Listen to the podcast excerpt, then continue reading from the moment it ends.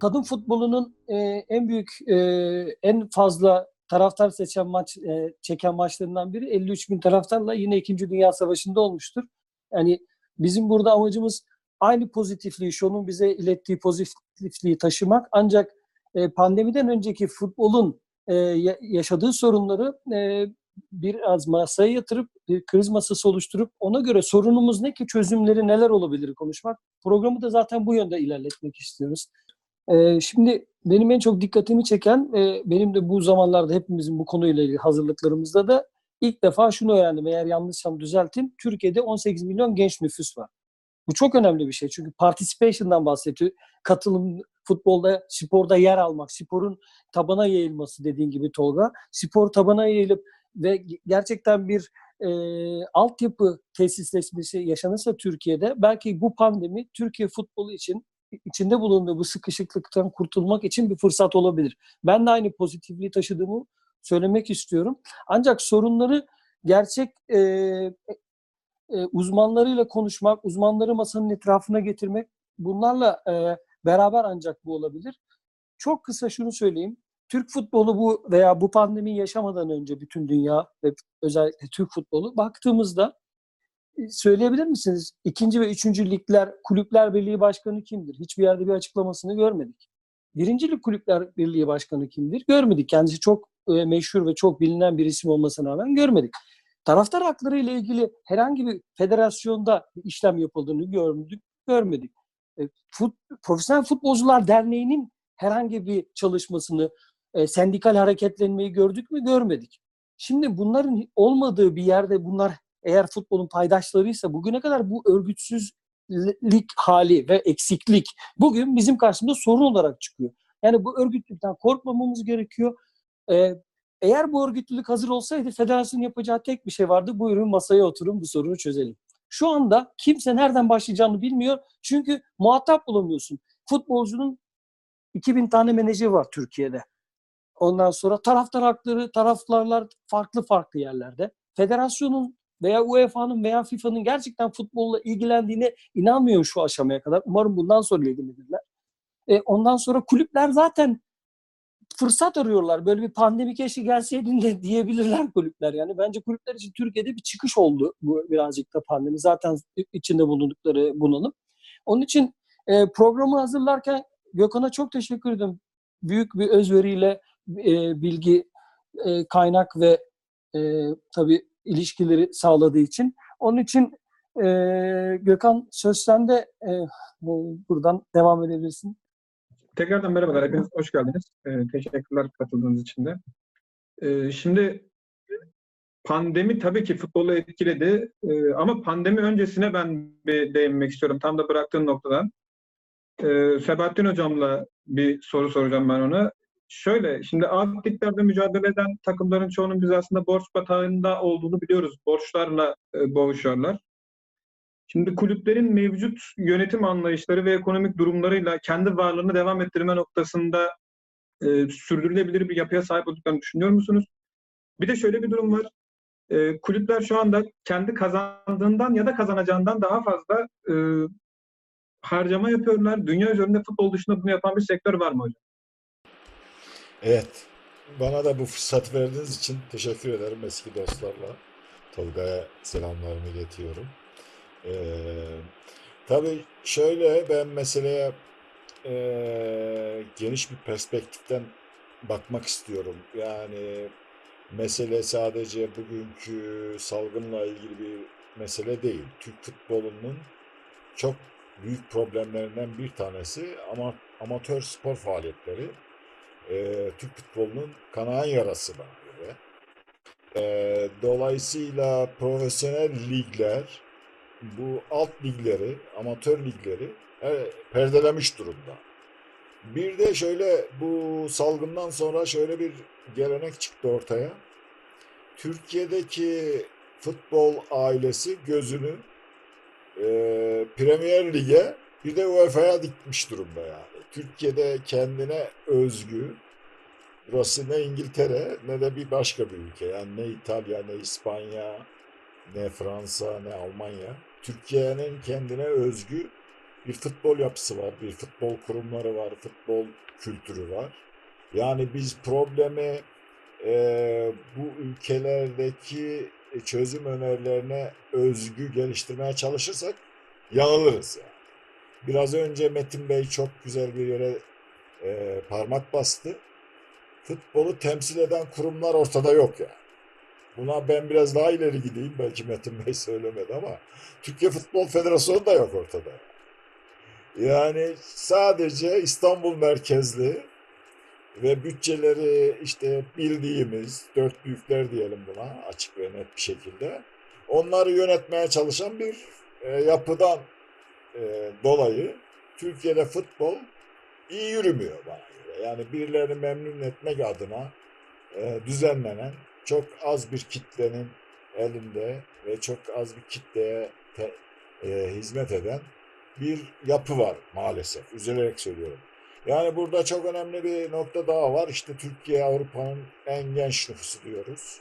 Bende de istatistikler var. Daha önce de bir rapor e, bu konuyla ilgili bir yazı yazmıştım. Orada da baktığım istatistiklere göre Türkiye ilk genç nüfus oranı çok yüksek. E, Türkiye'de işte dün Yılmaz Hoca'nın da söylediği gibi 18 takım yok yani 200 bana göre 200 takım da yok. 5000'e yakın kulüp var ya. Şimdi Türkiye'de amatör spor faaliyeti gösteren ve 3. ligde, 2. ligde futbol faaliyetleri gösteren 5000'e yakın kulüp var yani. Şimdi bir de olayın bir başka boyutu var. Herkes bunu da atlamış durumda. Spor sektöründe farklı çalışma grupları var. Ee, bu sektörde çalışan insanlar var. Yani kulüplerde çalışanlar var.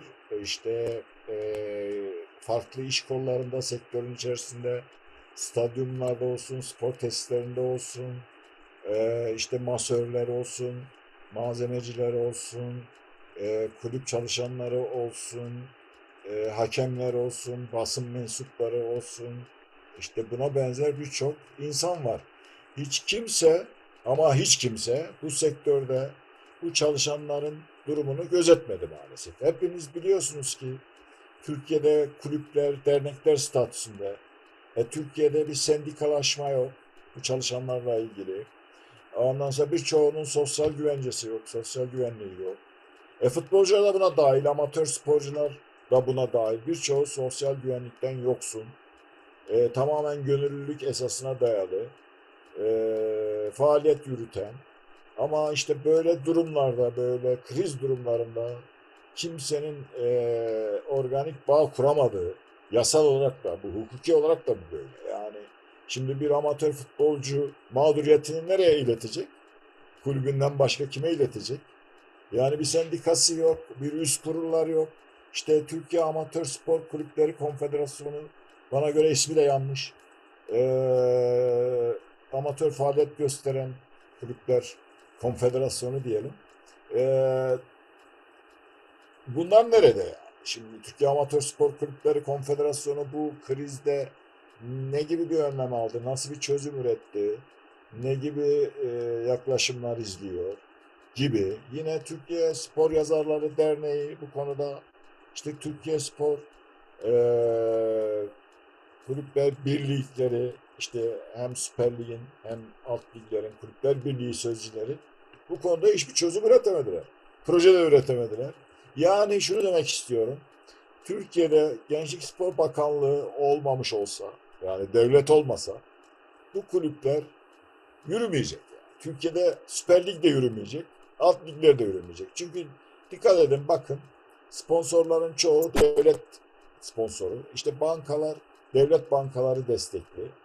Ligi e, fonlayan bir yapıya sahibiz. Yani bunlar da olmasa Türkiye'de e, futbol yürümeyecek ve zaten istenildiği gibi de yürümüyor bana göre.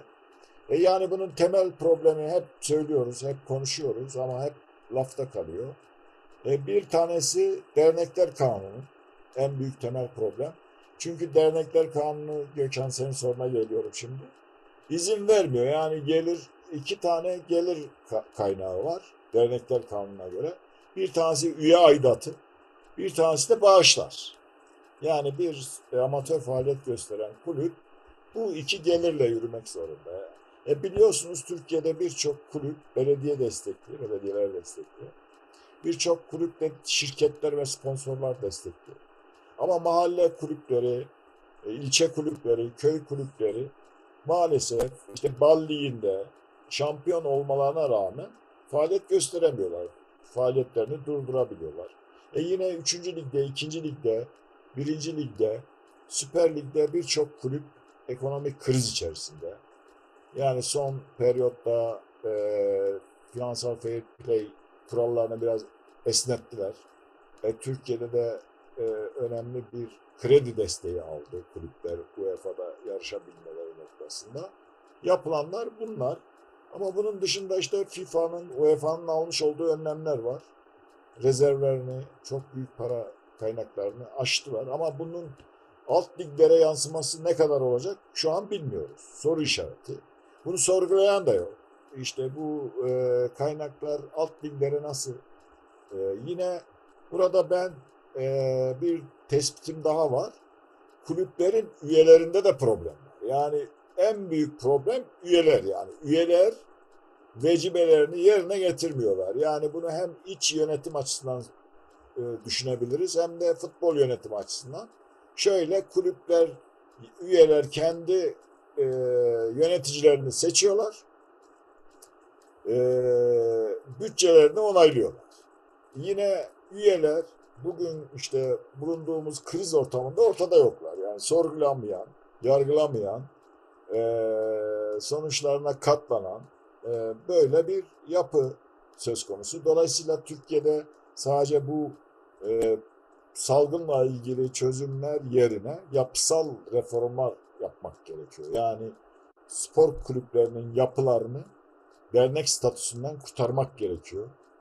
Süper Lig gibi profesyonel yapıları da işte e, şirketleştirip gelirleri de karları da e, zararları da kendilerine özgü olacak şekilde bir yapıya kavuşturmak gerekiyor. E yıllardır bu bir kambur. Türkiye'de her zaman bu işte hem sigorta borçları hem vergi borçları hem kulüplerin kendi bütçeleriyle ilgili problemleri hep devlet, hep siyasi kanat göğüslemiştir. Bu böyle geldi, böyle gidiyor. Ama işte altyapılara yönelip Türkiye'nin genç e, nüfusuna yönelip kulüpleri, amatör faaliyet gösteren kulüpleri e, güçlendirmek gerekiyor. Yani e, neden güçlendirmek gerekiyor? İşte en basit e, olarak söyleyeyim. E, spor yapan insan sayısını arttırmak gerekiyor. İşte bugünkü bu salgın e, hastalıklarla mücadelenin en temel e, nedenlerinden bir tanesi de bağışıklık sistemiyle alakalı. Bunu Avrupa Birliği de bu şekilde öngördü. İki türlü bakıyor. Hem e, toplumsal entegrasyon, sosyal, ekonomik, kültürel bir yapıyı oluşturmak için hem istihdamı artırmak, katma değeri artırmak için e, sporun önemli olduğunu, önemli bir sektör olduğunu, bu sektörde çalışan insanların desteklenmesi, kulüplerin güçlendirilmesi, kurumsallaşması önem arz ettiğini ifade ettiler. Yani bizim buna kafa yormamız gerekiyor. Yani popüli, popülist düşüncelerden sıyrılıp gerçekçi, reform niteliğinde, devrim niteliğinde e, kanunlar, yasalar çıkartmak gerekiyor. Yani e, gerçekten amatör ve alt ligler e, ben buradan biliyorum, içinde de yer aldığım için biliyorum. E, devlet desteği olmasa, kurum desteği olmasa, belediye desteği olmasa ayakta kalamıyorlar, yürüyemiyorlar. Ve ortaya da ürün çıkıyor. Yani son 10 yıldır e, ben Elazığ'da mesela amatörden e, çıkıp da profesyonel olan bir futbolcu görmedim yani bir iki tane dışında. Bu da acı verici bir durum ama bir 80'li yıllara döndüğümde o yıllarda hep alt liglerden beslenirdi. Yani bizim kendi içimizden. Ama bu yapıyı kaybettik. İnşallah bu ta tersine döner. İşte biraz önceki fırsat e, hocamızın da bahsettiği. Yerel liglere, yerel liglerin güçlendirilmesine yönelik önlemler ve tedbirler alınır diye düşünüyorum. Çünkü Anadolu'da kulüpler birçoğu kapandı. Birçoğu faaliyet gösteremiyordu zaten. Hem e, çeşitli sosyal, ekonomik problemlerde hem de üstüne bu salgın süreci gelince birçok kulüp kapanma noktasına geldi. Yani kilit vurma noktasına geldi. İşte bu kaynaklardan e, ırmağı besleyemezsek ırmak da büyümeyecektir, kuruyacaktır. E, biz de farklı e, evrileceğiz. Farklı işte büyük balık küçük balığı yutar misali. Bu yapı içerisinde kaybolup gideceğiz gibi görüyorum. Hocam teşekkür ediyorum. Ee, biraz da eklemek istiyorum. Ee, Türkiye İdman Cemiyeti İttifakı, ondan sonra Cumhuriyet Halk Fırkası, İttihat takımları, ondan sonra 1960'larda her şehre bir takım zorlamasıyla devlet ve siyaset gerçekten çok fazla futbola müdahale etti. Ve gün geçtikçe kolayı seçen futbol kulüpleri, futbolcular, taraftarlar her zaman çıkışı devletin bir şekilde çözeceğini de aradı ve gerçekten de çözdü. İşte 90'lı yıllara geldiğimizde naklen yayınlar, 2000'lere geldiğimizde iddia gelirleri bir şekilde sürekli dünyanın e, çok az yerinde iddia gelirleri bizdeki olduğu gibi Tolga ile bunu devamlı konuşuyoruz. Bizde olduğu gibi hemen kulüplere aktarılmıyor. Yani iddialar özel firmalar kendi işlerine bakıyorlar. Gel, kendi gelirleriyle kendileri kavruluyorlar. Bizde ise kulüplere aktarılıyor. Bu da tabii ki devlet e, eliyle. Benim bir tecrübem var. Bunu da söyleyeyim. Sakaryaspor e, 2013 sürecinde, başkanlık sürecinde Sakaryaspor'a e, bir firma, ismini vermeyeceğim, iki yıldan beri sponsorluk yapıyor ve parasını ödemiyor. Biz onun e, ikincilikte, birincilikte forma reklamlarını naklen yayınlarda taşıyoruz. Borcu var, tespit edilmiş, kitaplarda, defterlerde duruyor. E, firma yetkilileriyle görüşme talep ettim. Zoraki bir görüşme sonrasında ben artık Sakaryaspor batmak ve yok olmakla baş başayken en tek kurtuluşum ve tek gelir kalemi birikmiş iki yıllık sponsor gelirim bana ödenmesi olarak gördüğümde ağlayacak duruma gelmiştim konuşmamda. E, firmanın müdürü gerçekten duygulandığımı görünce Metin dedi ne olursun zorlama dedi. Bize zaten ol deyince oluyoruz dedi. Bize biz dedi sponsorlu sponsorluk için yapmıyoruz. Onun için e, özellikle Anadolu'da ve Türkiye'nin genel futbol yapısında devlet zorlamasıyla sponsorluğun e, Tolga ile e, yakın zamanda konuştuklarımızdan da hatırlıyorum. Yani sponsorluk diye bir anlam yok. Böyle bir paket yok. Türkiye'de böyle bir ilişki yok. Kulüple sponsor arasında iki tarafında gurur duyacağı ve bundan süreklilik arz edecek şekilde kulüplere e, yardımcı olup e, hareket edecek bir yapı yok. Böyle bir anlayış yok. Onun Hemen için ona ben Metin Bey bir ekleme yapmak istiyorum. Ee, hazır sponsorlukla ilgili konuyu açmışken. Ee, şimdi şöyle bir problem var. Türkiye'de sponsorluk kanunu var biliyorsunuz. Yani işte kabaca e, amatör spora destekten yüzde yüz, profesyonel spora destek olan firmalar yüzde elli e, vergi matrahlarının e, belli bir kısmını e, ödeme durumlarında sponsorluk yaptıkları için mükellef olmayacaklar. Yani bu sponsorluk kanunu vergi mükelleflerini desteklemek amaçlı hem de Türk sporunu ge- geliştirmeye yönelik çıkarılmış bir kanun. Ama şöyle bir problem var. Herkes onu da atlıyor. Şimdi Türkiye'de vergi problemi var biliyorsunuz. Yani işte odur sorun. vergisini verenlere bir sözümüz yok ama birçok e, gider gösterildiği için vergi konusunda sıkıntımız var. Yani devlet de zaten vergi toplamakta zorluk çekiyor. E hiç kimse de e, vergide e, avantajdan faydalanmak için sponsorluğa başvurmuyor. Niçin başvurmuyor? E, vergi, vergi matrağı ortaya çıkmasın diye başvuruyor. Yani, yani böyle de bir problem var. Yani ben şimdi bakıyorum, inceliyoruz da biz araştırıyoruz da. Amatör liglerde bu sponsorluk yasasından yararlanan firma sayısı çok az. Belki büyüklerde bu e, muhasebe sistemleri iyi çalıştığı için e, bunu muhasebelendirebiliyorlar bu gelirleri. Ama alt e, kademede görüyorum sadece hatır gönül işte ahbap çavuş ilişkilerinden işte sizin de dediğiniz gibi siyasi destek adı altında bazı sponsorluklar görebiliyoruz yani. Ama böyle gerçek manada sponsorluk yasasına uygun bir sponsorluk uygulamasını, sözleşmesini daha henüz net bir şekilde birkaç kulübün dışında görmüş değilim. Bu da çok önemli bir problem yani. Çok büyük bir problem. E, Tolga, e, şimdi tabii ki e, bu pandemi süreci, ekonomik kriz ondan sonra E, üst e, bence sorunu daha büyük olacak. Alt liglerde belki sorun bu kadar e, fazla yaşanmayacak ama az, az önce şunun bahsettiği önemli bir konu var. Bizim ülkemizde de e, çok e, bizim ülkemizde çok iyi ele alınması gereken bir konu. O da ülkemizin coğrafi yapısı. Çok büyük bir ülke ve e, bu bu konuda e, fikir yürütürken okuduklarıma, baktıklarıma e, dayanarak söylüyorum. Sean az önce o noktaya değindi. Acaba e, ikinci ve üçüncü liglerin birleştirilmesi Türkiye'de co, e, yolculuk e, miktarını art, e, düşürmek, futbol ekonomisini biraz daha küçültmek, hatta bal liglerini 2-3 sezon oynatmayarak daha çok yereldeki spor kulüplerine kaynakların aktarılması şeklinde e, böyle bir çözüm yani gerçekten Türkiye'de iki lig dışarısı, dışında profesyonel futbol oynayacak bütçe yok. Bunu hepimiz önce kabul etmemiz gerekiyor. Bunu kabul etmezsek çünkü bir yol haritamız olmayacak. Onun için alt liglerin etkilenmesini ve çözüm yollarını e, nasıl görüyorsun ekonomik küçül ekonomik küçültülmesi anlamında? Ya bir şey söyleyeyim. Öncelikle Türkiye Futbol Federasyonu e, sürekli açıklıyor. Bu sene e, işte şu kadar kasamızda paramız kaldı. Bu kadar kasamızda paramız var. Yani şu anda e, açıkçası o paraları harcamayacaksa hatta e, futbolun sağlığı özellikle e, bununla baş etmekte zorlanacak olan alt lig kulüplerinin e, daha ihtiyacı olacağı bu dönemde bunu kullanmayacaksa kredibilitesini başka ne zaman kullanacak? Öncelikle e, bir kere Türkiye Futbol Federasyonu'nun ekstra bir kaynak oluşturması lazım. Özellikle alt liglere.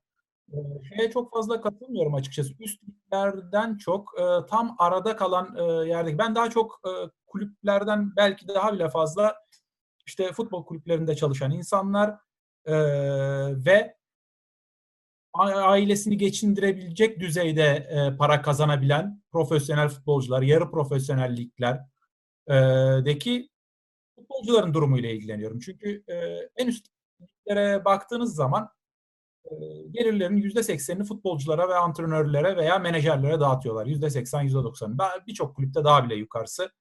E, diyelim birazcık e, ortalama gibi iyimser bir rakamla Türkiye'deki Süper Lig'deki, birinci Lig'deki kulüpler %80'ini neredeyse buralara harcıyorlar paraları. E, gelirleri azaldığında ne olacak? Bu futbolcuların birçoğunun sözleşmesi bitecek. E, zaten bir yıllık, iki yıllık, kısa süreli, altı aylık sözleşmeler e, oldukça yoğun. Bunların e, gelirlerinde bir azalma olacak. Yani atıyorum yani 1 milyon euro alan bir adam 800 bin euro alırsa açıkçası bu e, onun hayatını atıyorum 5 bin liradan gelir 3 bin liraya düşecek bir kişi kadar bir futbolcu kadar etkilemeyecek. Ee, yani bence orta seviyelerde yarı profesyonel ve e, dediğim gibi bal vesaire bu seviyelerdeki liglerdeki e, futbolcuların e, durumu yani gerçekten ailelerini geçindirmek için bu gelire ihtiyacı olan seviyelerdeki ne olacak? Bir de onun dışında e, ilk gözden çıkartılan işte e, futbol kulübünün emektarlarının e, durumu ne olacak? E, diğer taraftakilerde ise zaten hali hazırda e, çok büyük krizin içerisindeydiler. Yani çok kötü yönetiliyorlardı. Finansal olarak da Süper Lig kulübü de, Birincilik kulübü de. E, yani bu sebeple aralarından batan olmaz. Onu söyleyeyim. Öne çeker. Ya 6 ay sonra batacaktır bu kulüp. 1 sene sonra batacaktır. E, bunu da birazcık bahane edip birazcık daha e, öne çekilmiş olur belki. Ama e, sağlıklı yönetilen, iyi yönetilen, finansal e, anlamda çok sıkıntısı olmayan bir kulüp burayı aşar. Yani e, masraflarını kısarak aşar vesaire. E, şu da değişmeyecek değil mi? Önümüzdeki yıl e, liglerde oynayan bu 126 takımdan bahsetmişti ya Yılmaz Vural. E, 126 e, takımda oynayan Türk oyuncularının da e, kimler olacağı 3 aşağı 5 yukarı değişmeyecek. Bunlardan Avrupa'ya giden hemen hemen hiç kimse olmayacak. Aynı oyuncularla oynanacak. Ekonomi küçülürse bunların gelirlerinde de bir daralma olacak. E, yeni yapacakları sözleşmelerde bir e, daralma olacak. E, futbol kalitesi anlamında bazı yıldız oyuncuların transferlerini görmeyeceğiz. E ne olacak? Menajerlerin e, gelirlerinde bir miktarda e, burada en büyük kayıp yaşayacak yıllardan bir tanesi e, olacaktır. Aslında ben bu liglerin yeniden oyna- oynatılma işte Haziran'da oynatılması vesaire filan zaten bu e, büyük balıkların gelirlerine çok fazla dokunacağı için bu kadar e, fazla zorlandığını düşünüyorum. Yoksa bundan zarar görenler örneğin orta seviyedeki, alt seviyedeki ligler olsaydı bu ligleri biz sağlık sebebiyle oynatmıyoruz çok rahatlıkla e, söyleyebilirdi e, Futbol Federasyonu'nda. E, bunu bu kararı verecek olan e, kişiler de diye düşünüyorum. E, esas ben işte alt liglerde e, durum ne olacak? Bu kişiler, bu buradaki e, futbolcuların sözleşmeleri e, nasıl yeniden düzenlenebilecek? Önümüzdeki yıl e, bu ligler nasıl daha sağlıklı bir şekilde tekrar devam edebilir? Bu dediğin e, seyahat kısıtlamaları e, olabilir e, ve daha az seyahat olması için eskiden olduğu gibi daha bölgesel e, bazı ligler şey yapılabilir. Ama bunlar tabii genel nasıl diyeyim e, lig ekonomisi e, üzerine çalışılarak bazı mo- modeller e, oluşturulabilir. Ama bence temel e, yapılması gerekenler bir, bir tanesi e, örneğin UEFA'dan bahsettik. Oradan oraya atlıyorum birazcık ama e, UEFA'dan gelecek desteğin bir koşulu var mesela. Ya bunlar e, profesyonel kulüplerin borçlarını kapatması için göndermiyor UEFA bu parayı. Futbolun tabana yayılmasıyla ilgili projelerde kullanılması için gönderiyor. Hat-trick programının bir kapsamında gönderiliyor ve e, Hat-trick programının kapsamındaki olan e, konularda eğitim, futbolcunun eğitimi, antrenör eğitimi, hakem eğitimi vesaire gibi yerlere harcanması, e, futbolu tabana yayacak e, projelere harcanması, sosyal sorumluluk projelerine har- harcanması koşuluyla bilgi pa- paylaşımı projelerine ha- harcanması, altyapı tesisi yapılması için gönderiyorlar. Bunların buralara harcanması lazım. UEFA'dan çok çok daha büyük meblağlarında Türkiye Futbol Federasyonu tarafından borçlanarak verilmesi gerekiyor. Devletin de şu anda çok düşük faizli e, kredi imkanları verdiğini görüyoruz. Her yerde bunun e, ilanlarını veriyorlar. E, Türkiye Futbol Federasyonu da bu kredilerden yararlansın ve e, bu nakit akışı e, yaşı, da so- sorun yaşayacak olan kulüpleri e, bir süreliğine e, bazı alanlarda doğrudan nakit vermek şeklinde değil, o nakit verdiğiniz anda o pa- paranın nereye uçtuğunu anlayamazsınız bile bir anda. Ama e, proje destekleri e, ve ihtiyaçların karşılanması e, şeklinde e, futbol piramidinin altındaki e, tabana e, yayması gerekiyor.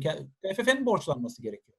Hep kazanan olmayacak. Yani bu dönemde de kaybetsin. Bir kere de zarar açıklasın yani Türkiye Futbol Federasyonu. Ya ben şöyle düşünüyorum bu noktada. Şimdi e, söylediklerinize katılıyorum. Bu noktada TFF'nin zarar açıklamasını bence kimse yadırgamayacaktır zaten. Yok takdir ederler. Ancak. Ya bu dönem e, açıkçası üzerine maddi olarak da ciddi anlamda sorumluluk alması gerekiyor. Doğru. Ee, şöyle bir şey sormak istiyorum ben tam da bu noktada. Ee, şimdi bazı kulüplerin üst liglerde fazlasıyla var ama alt liglerde de bazı kulüplerin amatör şubeleri var. Şimdi e, bazı kulüplerin bu durumdan sıyrılmak adına amatör şubeleri feda ettikleri ya da edebileceklerine dair söylemler var. Ee, bu noktada bunu yapmak mantıklı olur mu? Ee, bu krizden çıkmak için yapılması gereken şey bu mudur acaba? Ben kısa bir şey söyleyeyim. Gençlik Spor Bakanlığı'nın sitesine girdim. Ee, koronavirüsle ilgili herhangi bir destek vesaire var mı? Ee, amatör spor kulüplerine böyle zor durumda olanlara. Hiçbir şey yok. Yani yayınlanmış olan yazılara bakıyorum. Yani Sağlık Bakanlığı'nın başarılarıyla kendi sayfasında övünüyor gibi Gençlik Spor Bakanlığı. Yani çok iyi baş ettik biz bu salgınla. Şöyle iyiyiz, böyle iyiyiz. E, tamam ne yapacaksın? Yani kendi ekosisteminle ilgili ne yapacaksın? Ne gibi destekler vereceksin? E, bununla ilgili hiçbir şey yok. Şimdi şöyle bir sıkıntı da var. E, İngiltere'de e, alt liglerde, İngiltere'de kulüpler şirket. Ama bu bugünün şeyi değil. Yani e, 1800'lerin sonundan beri şirket İngiltere'de kulüpler. E, bu yapının içerisinde oldukları için şirketler için açıklanan e, birçok desteğe başvurabiliyorlar. Örneğin maaş desteği yani %80'ini maaşların e, çalışanların maaşlarını ödüyor devlet burada. E, onun dışında e, krediler, faizsiz kredi imkanları var. 10 bin poundluk bir hibe var gibi e, birçok alanda desteklerden faydalanabiliyorlar. Bunun yanında Sport England yani bizdeki Gençlik Spor Bakanlığı'nın muadili diyebiliriz. Spor Genel Müdürlüğü'nün muadili e. E, bir kurum ayrıca destekler açıklıyor. İngiltere Futbol Federasyonu futbol alanında ve her federasyon kendi alanında bazı hibe ve destekler açıklıyor. E bunların artık spor alanında da açıklanması lazım. Tamam yani e, işte uçak biletlerinden kesinti olmayacak vesaire gibi yani sektörlerde e, bazı açıklamalar oluyor. Gençlik Spor Bakanlığı'nın da somut olarak ne yapacağını bu süreç içerisinde gerçekten e, nakit anlamında sıkıntı çeken, gelir anlamında sıkıntı çeken e, tabana nasıl destek olacağını somut paketlerle ortaya çıkması lazım. Yani futbolda biz birazcık e, Türkiye Futbol Federasyonu'nun bunu daha fazla yüklenmesi gerektiğini söylüyorsak diğerinde de elbette Gençlik Spor Bakanlığı her şeyi kontrol eden o olduğuna göre her şeyin e, bunun maliyetinin de katlanmak zorunda olan ve katlanmak mükellefiyeti olan Gençlik Spor Bakanlığı'dır. Onun bir şeyler yapması da lazım burada maddi anlamda. Diğer konularda da iletişim anlamında ne yapabileceğini de camiaların düşünmesi lazım. Şimdi e, daha ben e, bu işte 2000'li yılların başında bu Supporters Direct'le ilgili konuşurken İngiltere'deki taraftarlarla açıkçası e, Türkiye'deki kulüplerde taraftarlar gidip oy verebiliyor. Ya bu İngiltere'deki bir taraftarın düşünebileceği bir şey değil. Sizin oy hakkınız var. E, ve İngiltere'deki aslında bu Supporters Direct'in kurulma e, sebebi gibi gidip oy verebilmek istiyor adamlar. Bu hakkı elde edebilmek istiyor. Türkiye'deki taraftarların elinde olan hakkı elde etmek için yıllardır e, çalışıyorlar İngiltere'de. Ya bizde e, ise taraftarlar, camiaların e, tamam bazı engellemeler oluyor, şunu söyleriz, bahaneler söyleriz ama işin sonunda e, kulüplerin %95'i halen daha dernek yapısı içerisinde ve e, taraftarlar bir şekilde zor veya kolay e, maddi külfetle veya değil e, kulüplerine üye olma hakkı, onların e, yönetiminde, yönetişiminde daha aktif olarak söz sahibi olma hakkına e, hakları var ve bunlar e, kullanılmıyor. Yani camialar da bunun içerisinden nasıl çıkacaklarıyla ilgili de e, daha aktif bir şekilde bunun tartışması lazım. Sakaryaspor'un mesela şu anda yaptığı bu. Sakarya Akademi. Tolga teşekkürler. Yani e, burada e, Sabahattin Hocam'a hazırladığım sorulardan bir tanesini zaten ipuçlarını e, vermiş oldun. Yani hocam şimdi e, bundan bir yıl önceydi herhalde e, yayıncı kuruluş e, Türkiye'deki e, ödediği naklen yayın e, bedelinin çok yüksek olduğunu hatta Türkiye'deki federasyonun, kulüplerin, kulüpler birliğinin, kulüplerin yönetim şekillerinin bu kadar çetrefelli ve şekilsiz olduğu bir ortamda aslında ağlık sistemiyle Zübük Ağa gibi gelip dedi ki ben size 90 milyon dolar vermiyorum dedi.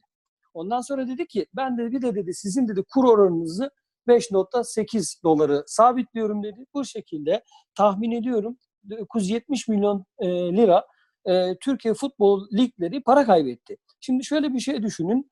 Hocam ben sizin evinizi kiralıyorum. Dört odalı bir ev tek başıma kiralıyorum. Sonra bir müddet sonra diyorum ki ben bu evin iki odasında birilerine kiralıyorum. O, o kişiler bana üç ay sonra kira ödemeyince ben size diyorum ki hocam ben size kirayı veremiyorum. Şu an Türkiye Futbol Federasyonu'nun yaptığı bu, bu değil mi? Yani yayıncı kuruluştan e, bu ödenekleri alan federasyondur, kulüpler değil. Yani kulüplerin muhatabı federasyondur. Onun için bugün yayıncı kuruluşun ödeme yapmamasının e, muhatabı kulüpler midir?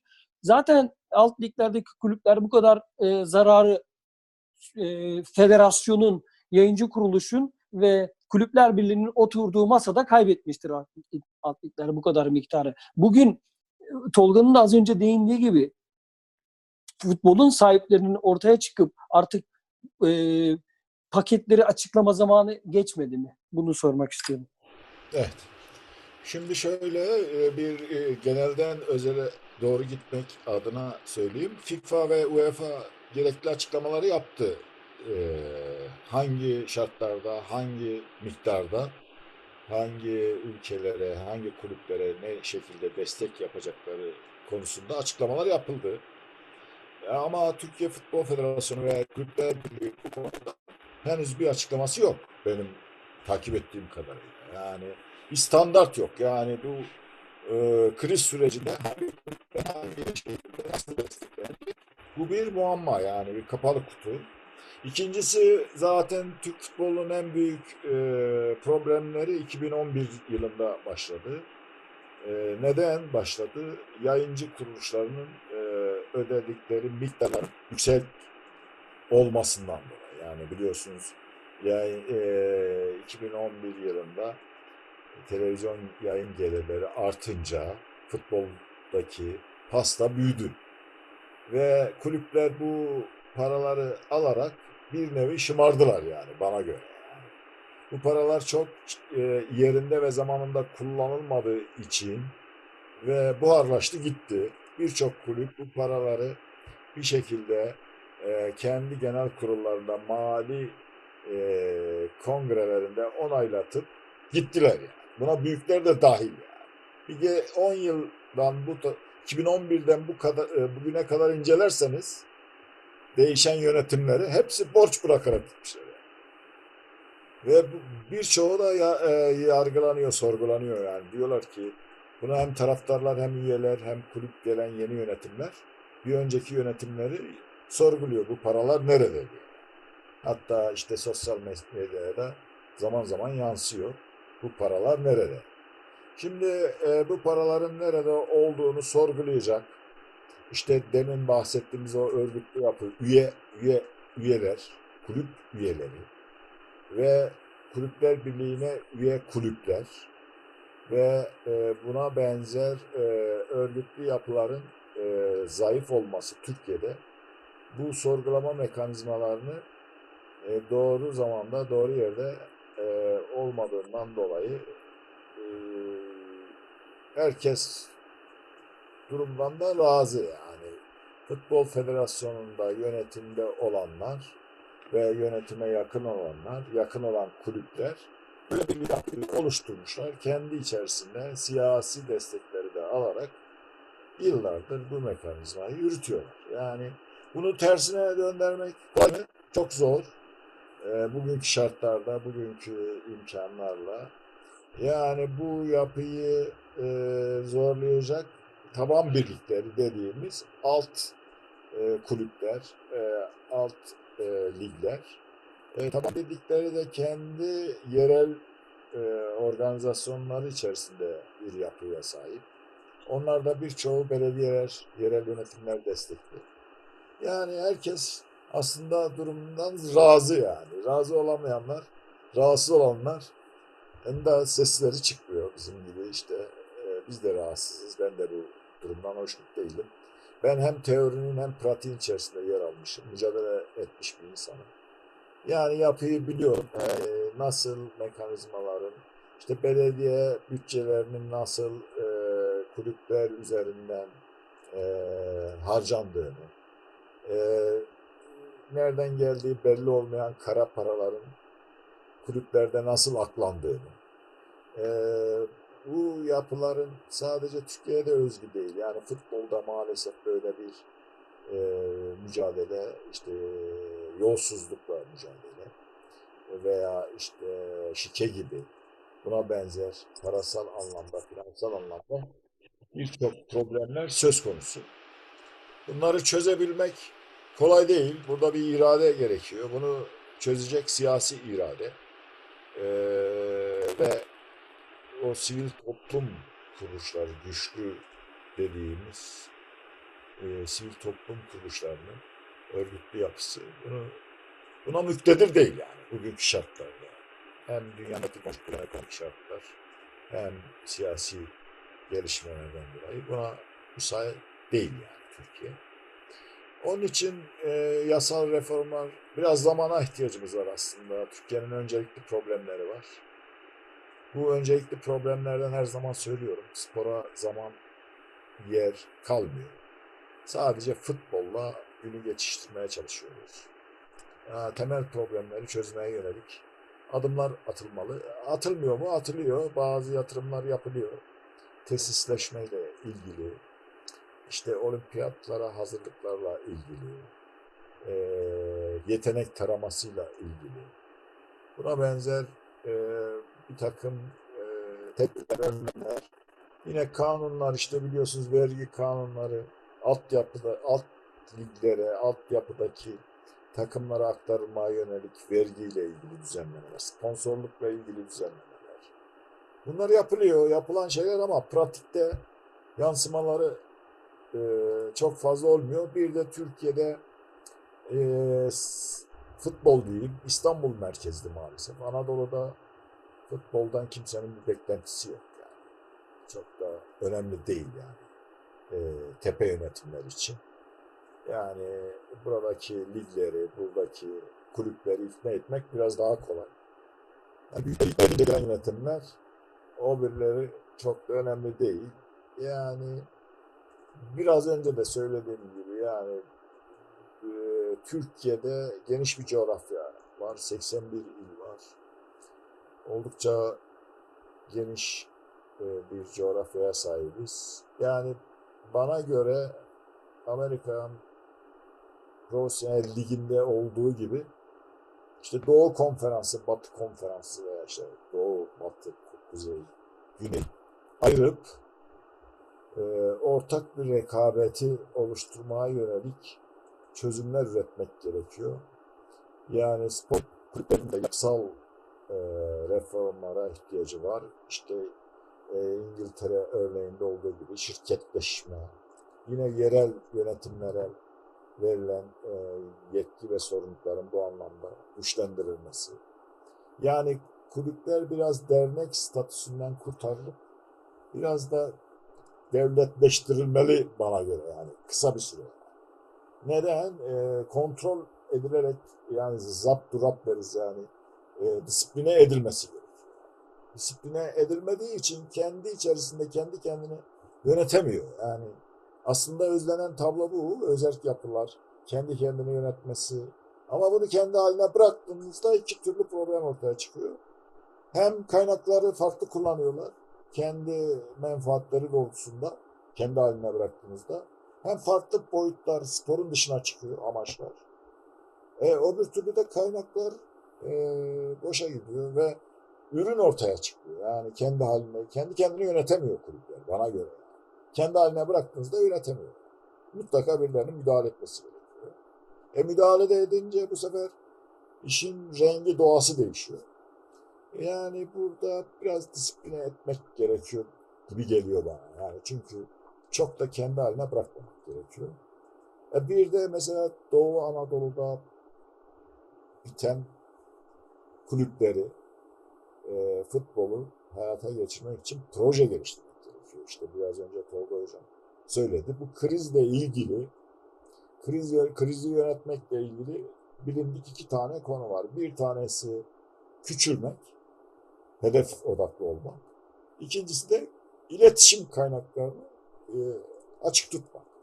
E şimdi biz bu krizde çok etkilenmedik bana göre. Yani herkes e, razı olduğu için bu durumdan. Yani biz Batı ülkeleri gibiyiz. Biraz kaderci bir toplumuz. Yani çok da önemli olan sağlık diyoruz. Yani çok da futbol önemli değil şu an için. Ama bizi düşündüren kısmı burada çalışan insanların mağdur olmaması. İşte bunların da mağduriyetinin giderilmesine ilişkin çok küçük de olsa önlemler alınması gerekiyor.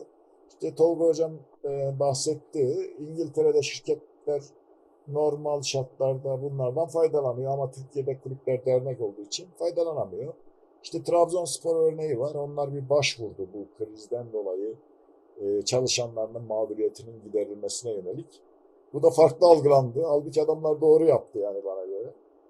E, yani bu mekanizmaların çalışması için kulüplerin, e, liglerin, lig organizasyonların yapılarının o üst finansal yapılara uyumlu olması gerekiyor. E şimdi bakıyorsunuz e, finansal yapılar işte yayıncı kuruluş olsun, UEFA olsun, Şampiyonlar Ligi olsun, bir ticarileşme, bir e, şirketleşme modellerin içerisinde. E alt liglere bakıyorsun tamamen amatör. Hem hukuki olarak yapı birbirine uymuyor hem de e, mantık olarak uymuyor. Yani arasında farklılıklar var. Yani bu futbol, profesyonel futbolun yapısıyla Türkiye'deki futbol kurumlarının yapısı arasında e, hukuksal anlamda e, problem var. Yani dernekler kanunu futbolu yönetmeye yetmiyor. Açık ve net. Dernekler kanunundan kurtarmak gerekiyor.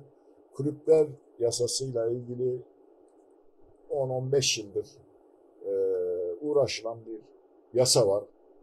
He, hep raflarda kaldı. Kulüpler yasası. Bir taslak vardı daha önce. Şu anda bir kulüpler yasasından bahsediliyor ama ne olduğunu bilmiyoruz gerçekten. Taslağı da bilmiyorum ben. Ulaşamadım. Eskisini biliyorum ama yenisinden haberim yok. Ama kendi içerisinde bir çözüm üretmeye yönelik bir futbol şurası, e, bir futbol kongresi olması gerekiyor. Ama bunu da hep yine işte profesyonel yapılar içerisinde hiç amatör sporla ilgili bir şura, kongre Türkiye'de yapılmış değil yani. Ee, sadece amatör spora özgü, at liglere özgü, altyapıya özgü bir çalışma maalesef elimizde yok yani. Umarım bu e, kötü dönemden e, kurtuluruz. E, ama burada çok da büyük avantajlar elde ettik. Çok büyük bilgiye sahip olduk. Gördük ki kulüpler çok da e, hazırlıklı değil yani. E, kral çıplakmış yani. Yani her şey ortaya çıktı yani. Böyle küçük bir e, bir aylık, bir buçuk aylık bir kriz süreci geçirdik. Her şey ortaya çıktı. E, yani bundan sonra insanlar, e, kulüpler, kurumlar e, hazırlıklarını ona göre yapacaklar. Yani bir bir hazırlık süreci. Bundan önemli olan ders çıkartmak ve eksiklerimizi, problemlerimizi tespit edip çözüm üretmek. Yani bize düşen görev de bu. E bunlarla ilgili çalışmalar var ama pratik, o pratiği, işin pratiği çok farklı. O pratik içerisinde yer alan insanları, yöneticileri bu konuda e, bilinçlendirmek, yönlendirmek, doğru yönlendirmek gerekiyor. O insanlar da e, bir mücadele ediyorlar, bir mücadele içerisindeler. Onları da desteklemek gerekiyor, çok da eleştirmemek gerekiyor ama onlarla birlikte hareket edecek bir ortak akıl, ortak e, organizasyon bir araya gelmesi gerekiyor. Hocam teşekkür ederiz.